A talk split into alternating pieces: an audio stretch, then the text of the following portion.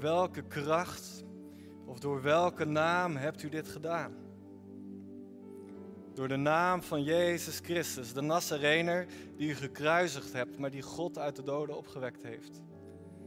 Deze Jezus is de steen die door u, de bouwers, veracht werd, maar die de hoeksteen geworden is. De kerk wereldwijd heeft de afgelopen jaren veel klappen gekregen. Was een paar weken geleden was ik op een conferentie met Europese sportministerieleiders. En dan sprak een Engelsman en die zei: Onze kerken zitten op zondag. Uh, er zitten 35% minder mensen in de kerk dan voor de coronacrisis. Ik spreek uh, steeds wat vaker in kleine kerkjes in de provincie. En ook daar zie ik allemaal half volle kerken als we het positief bekijken. Kijk om je heen. er is wat gebeurd, ook bij ons in de kerk. En we, we kennen dat. We hebben klappen gekregen en er is moeite ontstaan. En wat ik dan veel denk te zien, is dat we nu weer grip proberen te krijgen. Oh, we mogen weer bij elkaar komen. En wat is het heerlijk dat we weer bij elkaar mogen komen. Maar, maar wat ik ook veel zie, is dat we dan bijna een soort van angstvallig proberen terug te krijgen wat was als ons dat nou eens lukt. Als het maar weer zo wordt als dat het twee jaar geleden was. En dan kan je nu dik lopen frustreren. want dan, dan, dan merk je dat je in jouw team te weinig mensen hebt. dan, dan voel je overal van, oh, we moeten zoveel extra doen om in stand te houden hoe, hoe wij, wij kerk zien. Maar wat nou als dat niet per se de bedoeling is. Ook al is het niet, niet in zichzelf verkeerd om dat verlangen te hebben. Maar wat nou als God iets heel anders voor ons heeft? En zijn we nog bereid om, bij, bij de voeten van de Vader uit te komen? En daar gewoon te zitten en te luisteren en ons te laten leiden? Of komen we met z'n allen in een modus van, we moeten die grip krijgen en kosten wat het kost, stop ik al mijn energie er weer in om dat voor elkaar te krijgen wat ik als mens kan doen. Mijn verlangen en hoop is dat we mogen en ook zullen gaan ontdekken dat er nog zoveel meer van Jezus is dan je tot nu toe met hem hebt meegemaakt. En wat we tot nu toe nog niet ontdekt hadden. Dat het juist door een tijd als deze zichtbaar mag gaan worden, ook in deze kerk.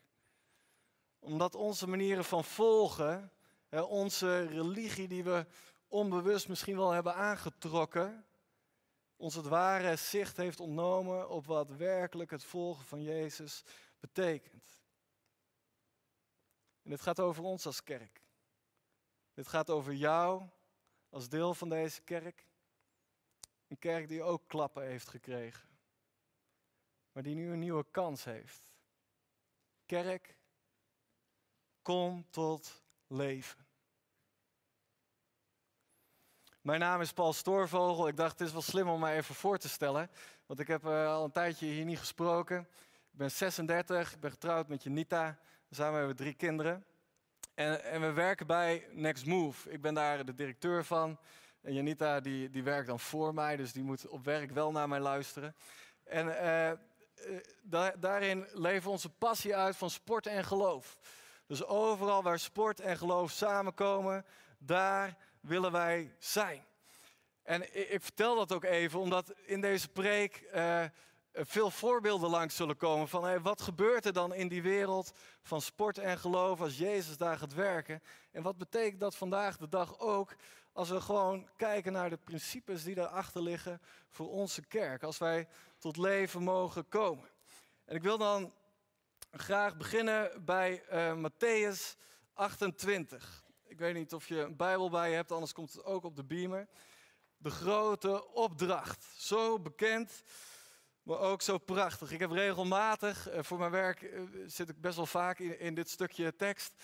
Maar regelmatig, als ik het weer tot me door laat dringen, wat hier gebeurt, dat het mij diep mag raken. En ik denk dat dat essentieel is voor ons als kerk. Juist ook als we zeggen, oh, we willen ons uitstrekken naar iets nieuws. Jezus, wat heeft u voor ons?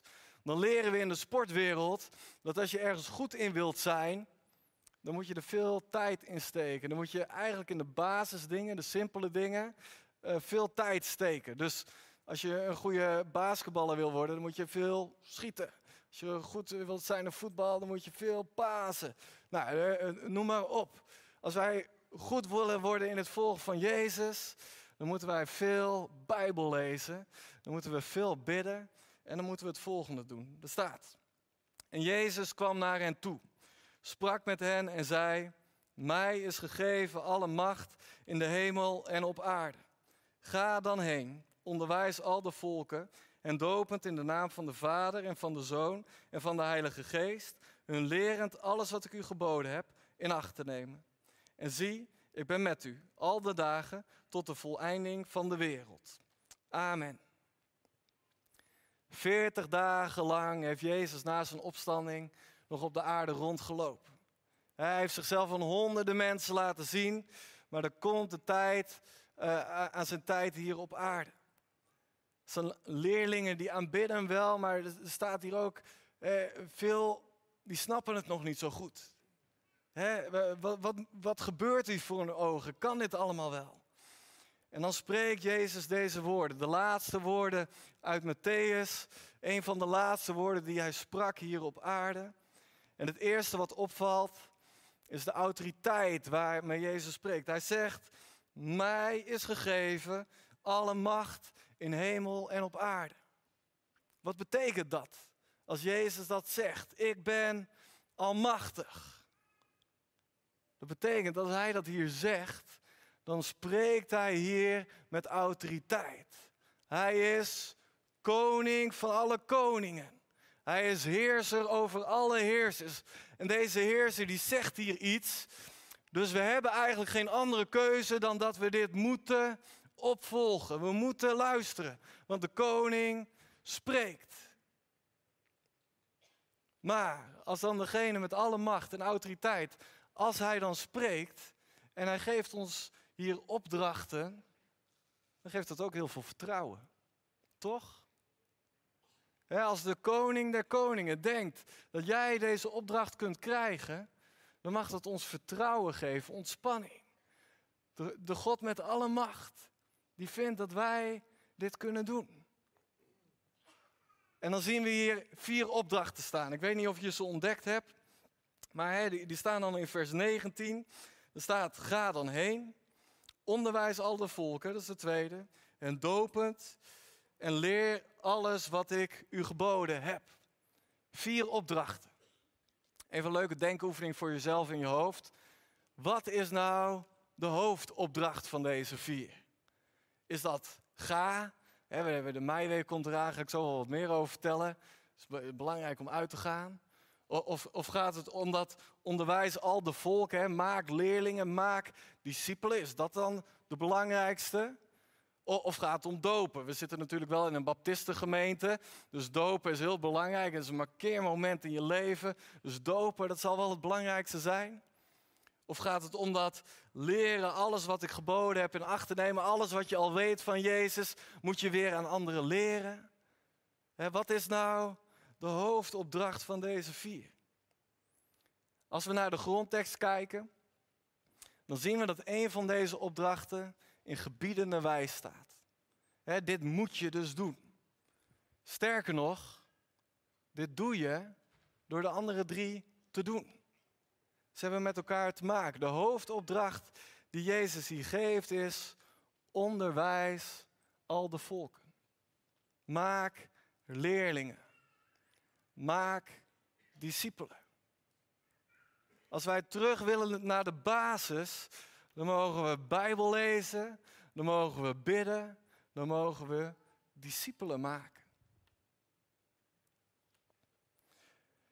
En, en, en, hoe doe je dat nou, discipelen maken? Nou, hè, wat we hier dus zien is, een manier van discipelen maken is, je moet gaan. Hè, dus je moet eh, ergens naartoe gaan. Daar dopen we mensen. Hè, dus uh, dopen hoort daarbij. En dan, dan, dan leren we ze alles wat we geleerd hebben. Dus wat leer je dan weer die mensen die, die je dan dus gaat discipelen? die leer je dat ze moeten gaan en dat ze moeten dopen en dat ze weer moeten onderwijzen. Het is iets wat God bij ons neerlegt. En deze week staat de Meiweek op het programma. In Vinkhuizen, in Paddenpoel, in Rijdiep. Ook in Zwolle en Hoge Zand. En in de tweede dienst eh, zul je een groep van ongeveer 60, 70 jonge mensen hier op het podium zien staan. Ja, jullie dus niet, maar ik ben daar dan nog bij. Die zeggen, ik ga die week apart zetten.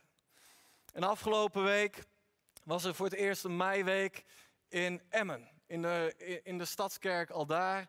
Een gemeente die, uh, die veel uh, overeenkomsten met ons heeft. En ik sprak gisteren met mijn broer. Ik had hem even opgebeld. Ik zei, hey, hoe was dat nou, die eerste meiweek bij jullie? En hij deelde met mij het verhaal van een, van, van een meisje. Die, die was daar gekomen de eerste dag en het meisje was heel hard geweest. Stond nergens voor open, was overal boos en kwaad over. Het meisje was 14 jaar. Uh, ze bleek in een pleeggezin te zitten samen met haar zusje, die juist weer heel, heel rustig was en weer niet zoveel van zichzelf liet zien. En de tweede dag van een meiweek was er een oudere vrouw uit de kerk die haar getuigenis ging delen. Zij ging daadwerkelijk erop uit. En zij vertelde dat zij zelf in een pleeggezin had gezeten. Wat haar allemaal was overkomen. Door haar hele leven heen, maar hoe Jezus daar het verschil had gemaakt. En het meisje, die barstte in tranen uit. De tweede dag in haar leven dat ze over Jezus hoorde. En God kwam. Jezus kwam dichtbij. Raakte haar aan. Mijn broer vertelde vanaf dat moment was ze bij alle momenten, van het begin tot het eind aanwezig. En alles wat ze maar kon krijgen, dat dronk ze op, want ze moest het ontvangen. Ja, dat kan gebeuren als we gaan. En als we dan ook weer naar deze week kijken die eraan komt, dan vind ik het te gek om te zien dat al deze mensen uitstappen in hun wijk. En dat doen ze vanuit een sportcommunity. En dat zijn stuk voor stuk plekken waar die discipelschap plaatsvindt. Al deze mensen die gaan erop uit en die leren van wat zij geleerd hebben. En ja, er wordt ook gedoopt. Ik weet niet of je de laatste, uh, nou, sinds de zomer bij een aantal doopdiensten bent geweest. Maar in ieder geval afgelopen najaar in verschillende doopdiensten, ook in verschillende kerken hier in de stad zijn er zes jongeren vanuit de sportcommunities gedoopt. Dat is te gek. Ik vind dat te gek om daarbij te zitten en om dat mee te maken. En ik sprak eh, met twee vrienden van mij die ook die doopgesprekken met, met een aantal van deze jongeren hadden gedaan. En ze zeiden, weet je wat het verschil is, Paul, tussen deze tieners en, andere mensen die wij spreken? Zij hebben een plek binnen zo'n sportcommunity waar ze op een veilige manier heel erg worden uitgedaagd. Om, om, om erachter te komen, hé, hey, wie is Jezus nou voor mij? Ik denk, als je stuk voor stuk in gesprek gaat met een van deze jongeren, dan, dan zullen ze ergens zeggen van, ja, ik kreeg ineens een vraag op me, uh, op me afgevuurd en dan wist ik het antwoord niet op. want in de kerk hebben we wel die antwoorden en, en dan, dan, dan, dan kan je eigenlijk bijna altijd wel zeggen als je het niet weet, ja, Jezus. Jezus is altijd het goede antwoord, toch? En, en, en, maar ineens sta je daar dan tegenover kinderen die niks met zo'n antwoord kunnen. En wat dan? En dan moet je zelf gaan onderzoeken. Plekken van discipelschap zijn deze sportcommunities. En ik wil graag met jullie kijken naar een verhaal van discipelschap in het kort, die in de Bijbel wordt weergegeven. En die staat in Handelingen 8. Handelingen 8, vers 26 tot en met 40. Het is een verhaal van een Ethiopiër die ook op zoek is. En hij tast nog in het duister, maar hij is op zoek naar licht. Hij is op reis, maar hij lijkt eigenlijk alweer de verkeerde kant op te gaan. Hij heeft het nog niet door, maar het leven komt zijn kant op. Handelingen 8, vers 26 tot en met 40. En een engel van de Heere sprak tot Filippus en zei: Sta op en ga naar het zuiden, de weg op die van Jeruzalem afdaalt naar Gaza, die eenzaam is. En hij stond op en vertrok. En zie, een Ethiopiër, een kamerheer en een machtig heer van de Kandake, de koningin van de Ethiopiërs, die heel haar schatkist beheerde en gekomen was om in Jeruzalem te aanbidden, keerde terug. En hij zat op zijn wagen en las de profeet Jezaja. En de geest zei tegen Filippus, ga daar naartoe en voeg u bij deze wagen. een merkwaardig begin van een merkwaardig verhaal, want ineens is daar een engel. Dit keer niet om te zeggen dat er een kindje geboren gaat worden, maar dat Filippus op pad moet. En er zijn meerdere verhalen in de Bijbel die met engelen, waar engelen in voorkomen. En over het algemeen betekent het dat God de leiding neemt en dat hij voor bescherming zorgt. Nou, Filippus heeft beide nodig, want de engel stuurt hem op een van de grotere handelswegen van die tijd. En dat was niet per se een plek om in je eentje te lopen zonder bescherming. Dus hij had die bescherming nodig. Maar ook even, hè, als je dan naar die tekst kijkt. Eh, komt waarschijnlijk vanuit Jeruzalem. Deze Ethiopische kamerheer komt waarschijnlijk vanuit Jeruzalem. Waarom? Laat God deze ontmoeting plaatsvinden op een plek die onveiliger is. Hij had dit niet op een veel makkelijkere manier tot stand kunnen komen.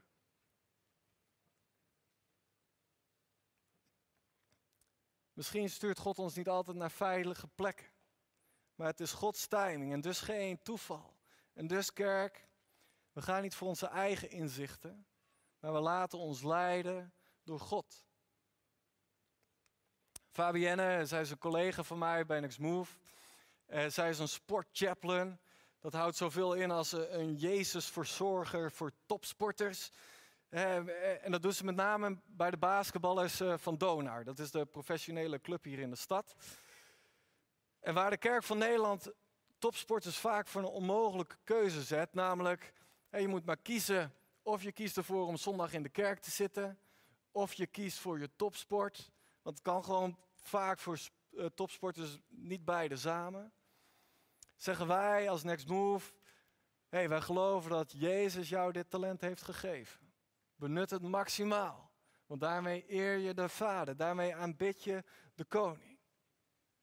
En terwijl jij dat doet, hoe mogen wij dan kerk voor jou zijn? Hoe kunnen we jou helpen om te groeien in geloof? En dat is dus wat Fabienne doet. Maar de afgelopen jaren waren, waren voor haar moeilijk geweest. Want door corona kon ze eigenlijk niet dichtbij de spelers komen. Die werden allemaal afgeschermd in bubbels gezet, zodat ze maar hun wedstrijden konden blijven spelen. Dus ze kon niet dichtbij komen. Maar ze had zo'n verlangen om te investeren. En het begon te frustreren en ze begon te bidden.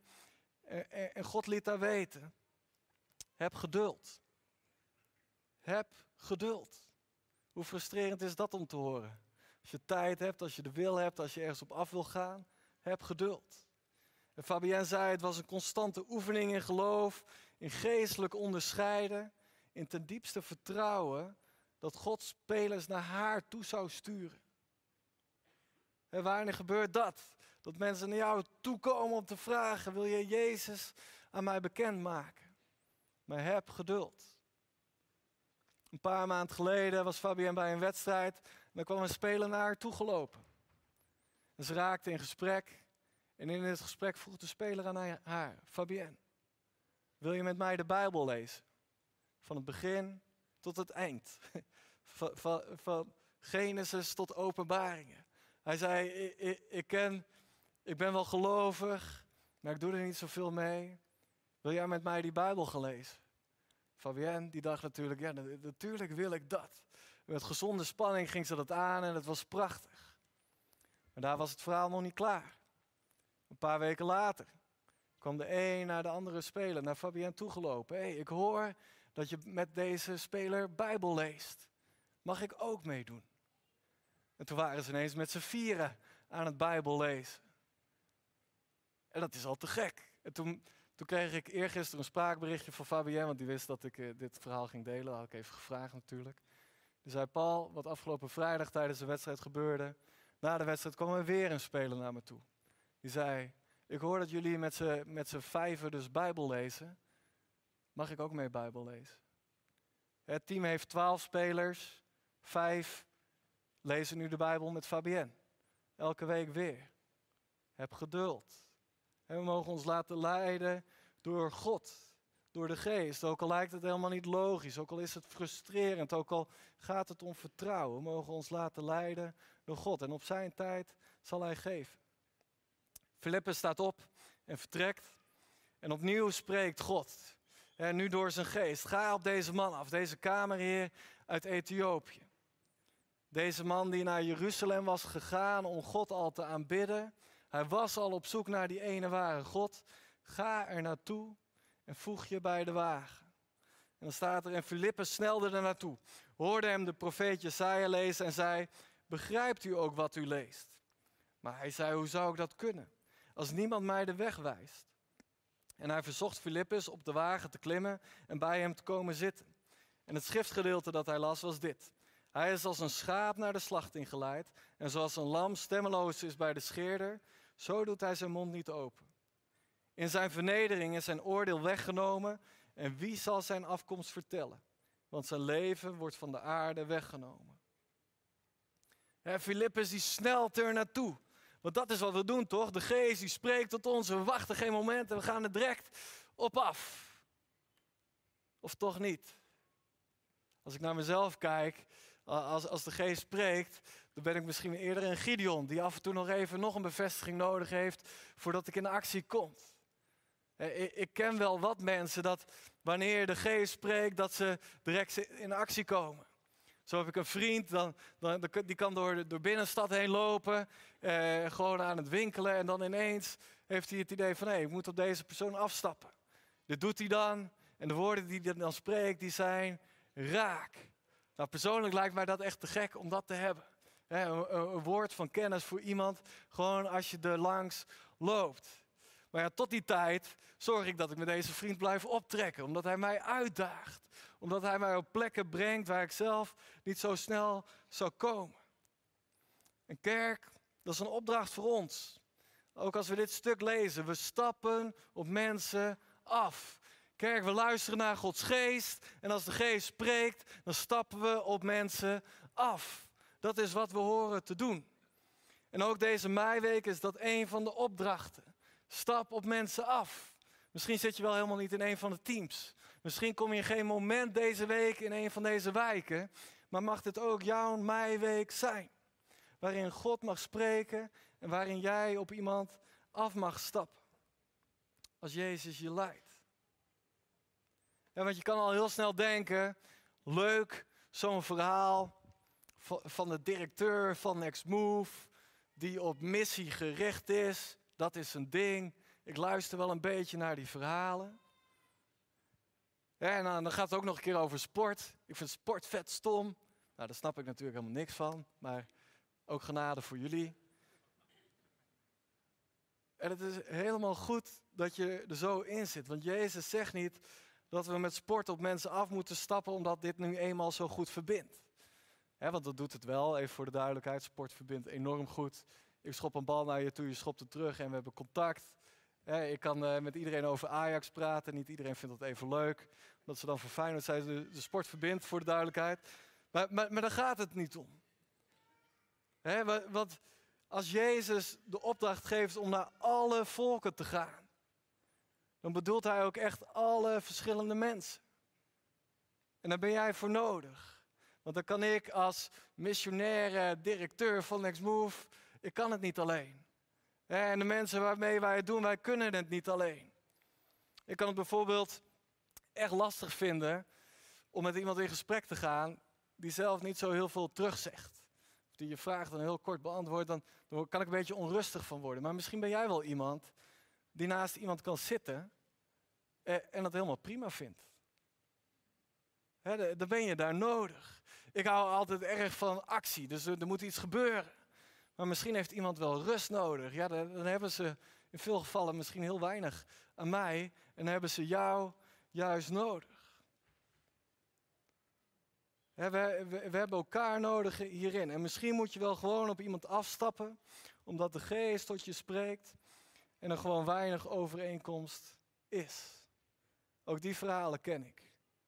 Want ook kerk, als wij naar buiten stappen en we daar mensen gaan ontmoeten, geloof me maar dat er heel veel verschillen zullen zijn. En ook in dit Bijbelverhaal zie je zo de verschillen. We hebben hier een etnisch verschil tussen deze Afrikaan en een Jood uit Israël. Er is hier een sociaal verschil tussen een schatbewaarder van de koningin en deze reizende evangelist. En er is waarschijnlijk zelfs een lichamelijk verschil deze, tussen deze eunig, deze gecastreerde man, en Filippus, waar dat in ieder geval niet over gezegd wordt. En toch verbindt de geest deze mannen aan elkaar. het zit in het evangelie verborgen. Het is het mysterie van het evangelie. De Zoon van God, die naar deze plek toekomt, waar hij zelf helemaal niet thuis hoort. Om daar geslacht te worden als een lam, die zijn mond niet open doet, terwijl één woord genoeg zou zijn. Die kracht heeft hij. En dus kerk, als Jezus het al voordoet, dan, dan, dan mogen we dat gaan nadoen. We stappen op mensen af. Laten we verder lezen.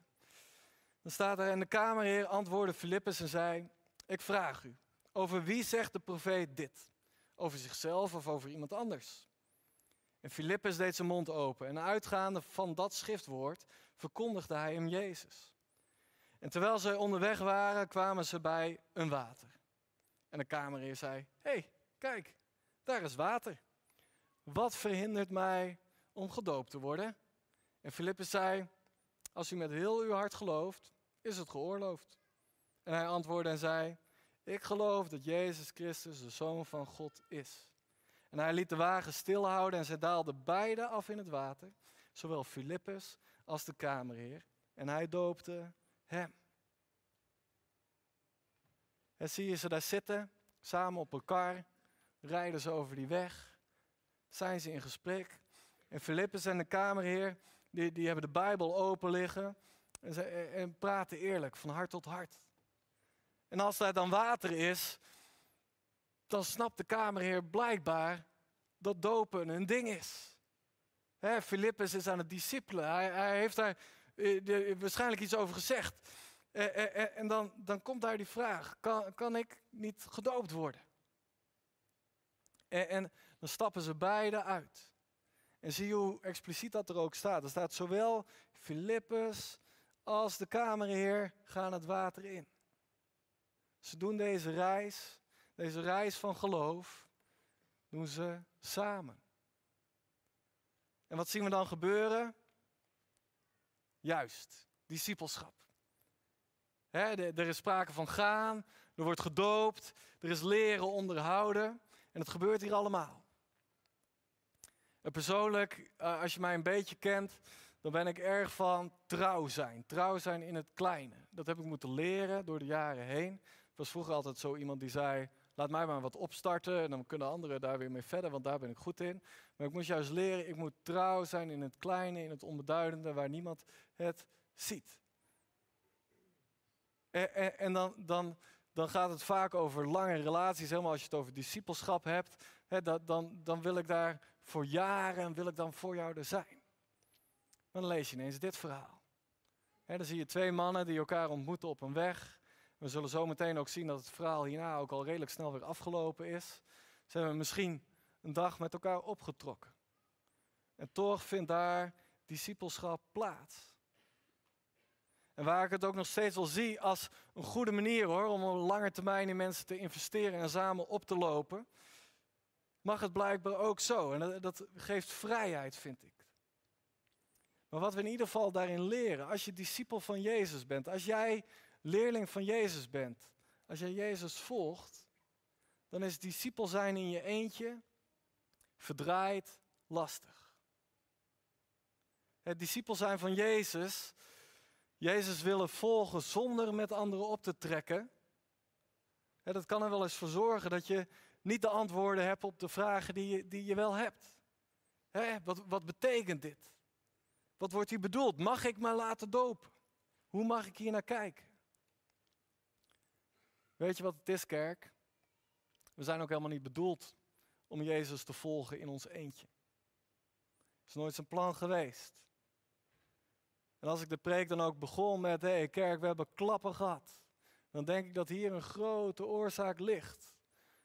Dat we bewust of onbewust het contact met elkaar zijn verloren. Dat we op sommige momenten niet eens bij elkaar mochten komen. En dan bleek dat je geloof misschien wel flinterdun was. Dat het vooral ging over wat je hier kreeg als je bij elkaar kwam. En dan zo goed als en kwaad als het ging en veel online probeerden we toch nog aan te haken. Maar kerk, we doen het samen. We zijn bedoeld om aan elkaar verbonden te zijn. En daarom is het ook nodig dat jij elke keer weer de keus maakt om samen te komen. Om je te verbinden aan je, je broers en zussen, om samen op te trekken. En dat kan op verschillende manieren. Hey, hier zien we in dit verhaal zien we één op één. Samen op de kar. Samen de Bijbel open doen. Samen in gesprek. Hier in de kerk hebben we het ook in kleine groepen geprobeerd. Ook met onze communities. ik ben onze leiders daarvoor dankbaar. Dat, ook al ging het misschien niet allemaal perfect.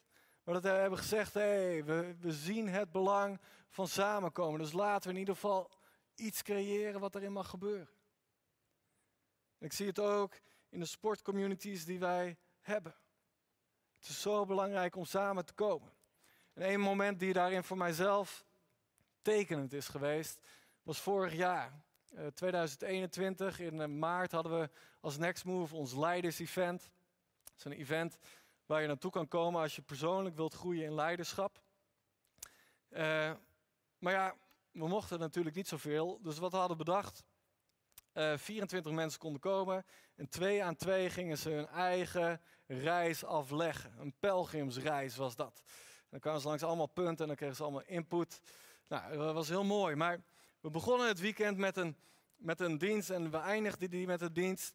Zo'n anderhalf meter dienst met je mondkapje op. We, kennen hem nog wel. Laten we hopen dat dat uh, niet weer gebeurt. Maar wat ik daar zo merkte, was dat mensen geestelijk gezien uitgedroogd waren.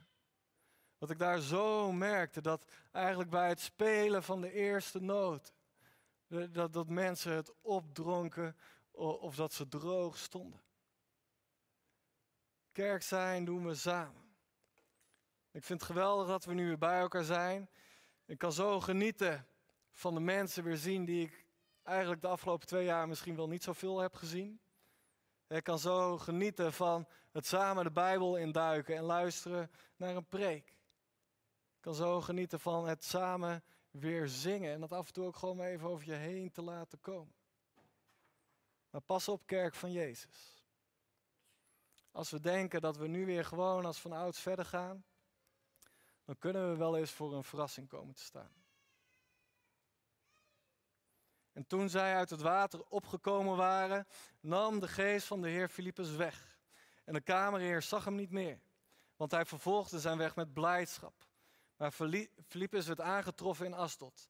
En terwijl hij het land doorging, verkondigde hij het evangelie in alle steden, totdat hij in Caesarea kwam. Filippus is ineens weer weg. En zo onverwacht als hij in het leven van deze man stapt, zo plotseling is hij ook weer verdwenen. Omdat de geest hem wegneemt naar de volgende plek. Menselijk gezien zou ik zeggen, joh, geef ze even de tijd. Laat ze nog even een paar dagen met elkaar optrekken. Er is zoveel wat deze kamer hier nog niet weet. En nu gaat hij weer in zijn eentje op pad. gaat dit wel goed komen? Maar God heeft een ander plan. En dus doet mijn menselijke gedachten er eigenlijk ook niet zoveel toe. En maakt het niet zo heel veel uit wat ik er nou precies van vind. Als God hier bepaalt. De kamerheer die is veranderd en vervolgens zijn weg in blijdschap staat er dan. En vanuit de Ethiopische overlevering wordt deze kamerheer ook als de eerste persoon gezien die het evangelie naar zijn land brengt. En ook al is dat niet met zekerheid te zeggen, het heeft wel alle schijn van. Want als Filippus een beetje zijn werk goed heeft gedaan, dan heeft hij hem verteld van hé, hey, je moet gaan, je moet dopen en je moet leren onderhouden wat ik jou net heb geleerd. Breng het maar weer door. Maak maar discipelen. Het evangelie stopt niet. Het is vol van kracht en leven. Stopt het evangelie bij jou? Ja, als je zo de kerk weer uitgaat, stopt het evangelie dan bij jou? Hou je het voor jezelf? Of zit er nog genoeg leven in je relatie met Jezus? We kijken zo vaak naar, naar de kerk en ook naar deze kerk. Ik kan het weten als zoontje van de dominee vroeger. Op een hele menselijke manier. Hè, wat klopt er niet? Wat vind ik van alle details? Past deze opmerking wel bij mijn geloofsbelevenis met Jezus? En waar er in de kern op zich niet eens zo heel veel mis is met deze vragen, waar we ook best wel elkaar mogen scherpen. Maar als je niet uitkijkt, dan maken deze vragen maken je geestelijk droog. Als je bij jezelf merkt dat je de laatste jaren eigenlijk meer naar binnen aan het kijken bent, wat jij vindt, en ook naar binnen aan het kijken bent in de kerk, wat hier allemaal wel niet goed zou gaan, wat niet klopt in de kerk, dan wil ik je gaan vragen om vandaag ook te kiezen om, om omhoog te gaan kijken naar God. Wat heeft u? Om naar buiten te gaan kijken, naar de mensen die aan het zoeken zijn. Kerk komt tot leven. we hebben een grote opdracht gekregen. We moeten discipelen maken. En als we iets moeten van Jezus, dan mogen we er ook van uitgaan dat we het kunnen door Hem. En het moeten en kunnen is niet alleen een opdracht, maar het is ook een cadeau. Want je gaat er zelf door veranderen. Dus we laten ons leiden door God. En vroeg of laat zal God mensen naar je toe leiden en dan stappen we er ook op af. Want er is een wereld in nood en er zijn maar weinig arbeiders. Dus ik geloof dat ook als je maar enigszins bereid bent om op mensen af te stappen, dat God mensen naar je toe zal sturen.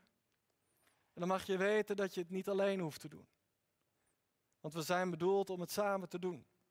Zoekend. Achter Jezus aan in een wereld van gebrokenheid. In een van de sportcommunities kwam, kwam op een dag kwam een meisje langs op krukken.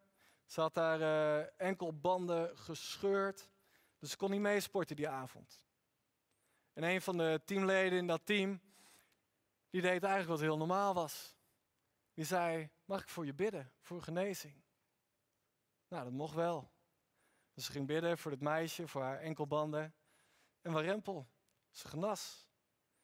En uh, overmoed van jeugd en het geloof wat erin zit is prachtig. Want direct die avond keihard mee voetballen natuurlijk. Kruk aan de kant en meedoen.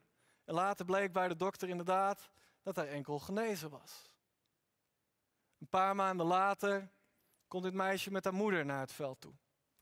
Wat blijkt, haar moeder, eh, er is kanker bij haar geconstateerd. En het meisje die heeft door. Ik moet naar dat sportveldje toe gaan. Want dat sportveld, dat is een plek van genezing. Daar gebeurt het. Dus ze nam haar moeder mee en in gesprek met haar moeder mocht, mocht, het, uh, mocht team over Jezus vertellen en daar ook weer de vraag. Mogen we ook voor jou bidden? En dat mocht. En ze baden voor deze moeder en warempel. De volgende keer dat ze bij de dokter komt, wordt gezegd, de kanker is weg. Genezen. Een plek van geloof. En als je onderdeel bent van dit soort gebeurtenissen, of je nou oud of jong bent, het maakt allemaal niet zoveel uit, dan doet dit wat met je geloofsleven. Zelfs als je dit hier kan horen, dan kan het je wellicht triggeren van, oh, als dat toch is, allemaal mogelijk is, dan wil ik daar onderdeel zijn. Het gebeurt gewoon ergens op een sportveldje. Terwijl mensen tegen een voetbal aantrappen op een doordeweekse avond, gewoon midden in de wijk. Het is een verhaal van leven, maar het verhaal is niet voorbij. Want het leven is veel te weerbarstig om elke keer bij een happy end uit te komen. Dus opnieuw kanker bij de moeder geconstateerd. doet dan alles wat daarvoor is gebeurd, doet het er dan niet meer toe? het maakt verdrietig. Kan zorgen dat je allemaal vragen kan stellen. Waarom? Het was zo'n mooi getuigenis. En nu is daar weer gebrokenheid. Als jij gelooft in een God die in deze wereld geen gebrokenheid toestaat, dan is deze preek misschien niet voor jou. Maar juist als we uitstappen, als we gaan, als mensen afstappen, als we dat ook samen doen, dan, dan ga je dit meemaken en dan merk je, ik kan niet anders dan me verbinden aan Jezus. En ga maar met al die vragen vermoeid naar Jezus toe, want hij kan ze wel aan. Ik zeg altijd, hij valt niet van zijn troon door de dingen die wij niet snappen. Maar zorg ervoor dat al je vragen en moeilijkheden er niet voor zorgen dat je stopt met luisteren naar God. Zelfs in de gebrokenheid van dit leven mogen we ons laten leiden door de geest. Zodat we op mensen afstappen en het samen doen. Daar mogen we vertrouwen op Jezus dat Hij ons fundament is. Waardoor we uit kunnen gaan om discipelen te maken.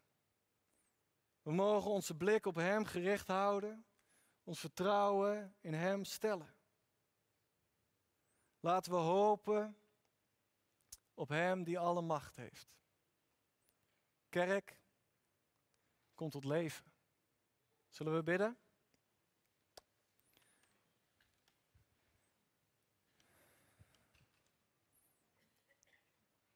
Jezus Heer, we willen bij u komen. Willen u danken dat u onze God bent. Heer Jezus, willen zeggen dat we van u houden. Niet om wat u doet, maar om wie u bent. Heer, en omdat we u door de tijd steeds beter hebben leren kennen en ook weten dat u te vertrouwen bent. Jezus, en als we al deze verhalen horen van wat u doet, in mensenlevens, hoe u mensen naar u toetrekt, hoe uw evangelie mag klinken door onze monden heen. Heer, dan zijn we u dankbaar dat u heeft gekozen om ons te gebruiken. Heer, dat u heeft gekozen om het niet zelf te doen, maar ons ook op deze plekken te zetten waarin we mogen investeren in elkaar. Waarin we discipelschap mogen doen. Heer Jezus, u bent goed en genadig. Heer, en we willen onszelf bepalen bij U.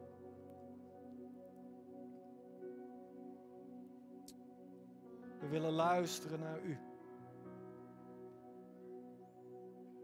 Heer, want al mijn woorden doen er niet toe. Als U niet komt met uw geest en spreekt tot onze harten. Jezus, in dit moment willen we ook gebruiken om ons open te stellen. Geest, spreekt U tot ons. God leidt ons. Heer, geef ons richting. Juist als we als kerk ook zoveel klappen hebben gekregen, geef ons richting.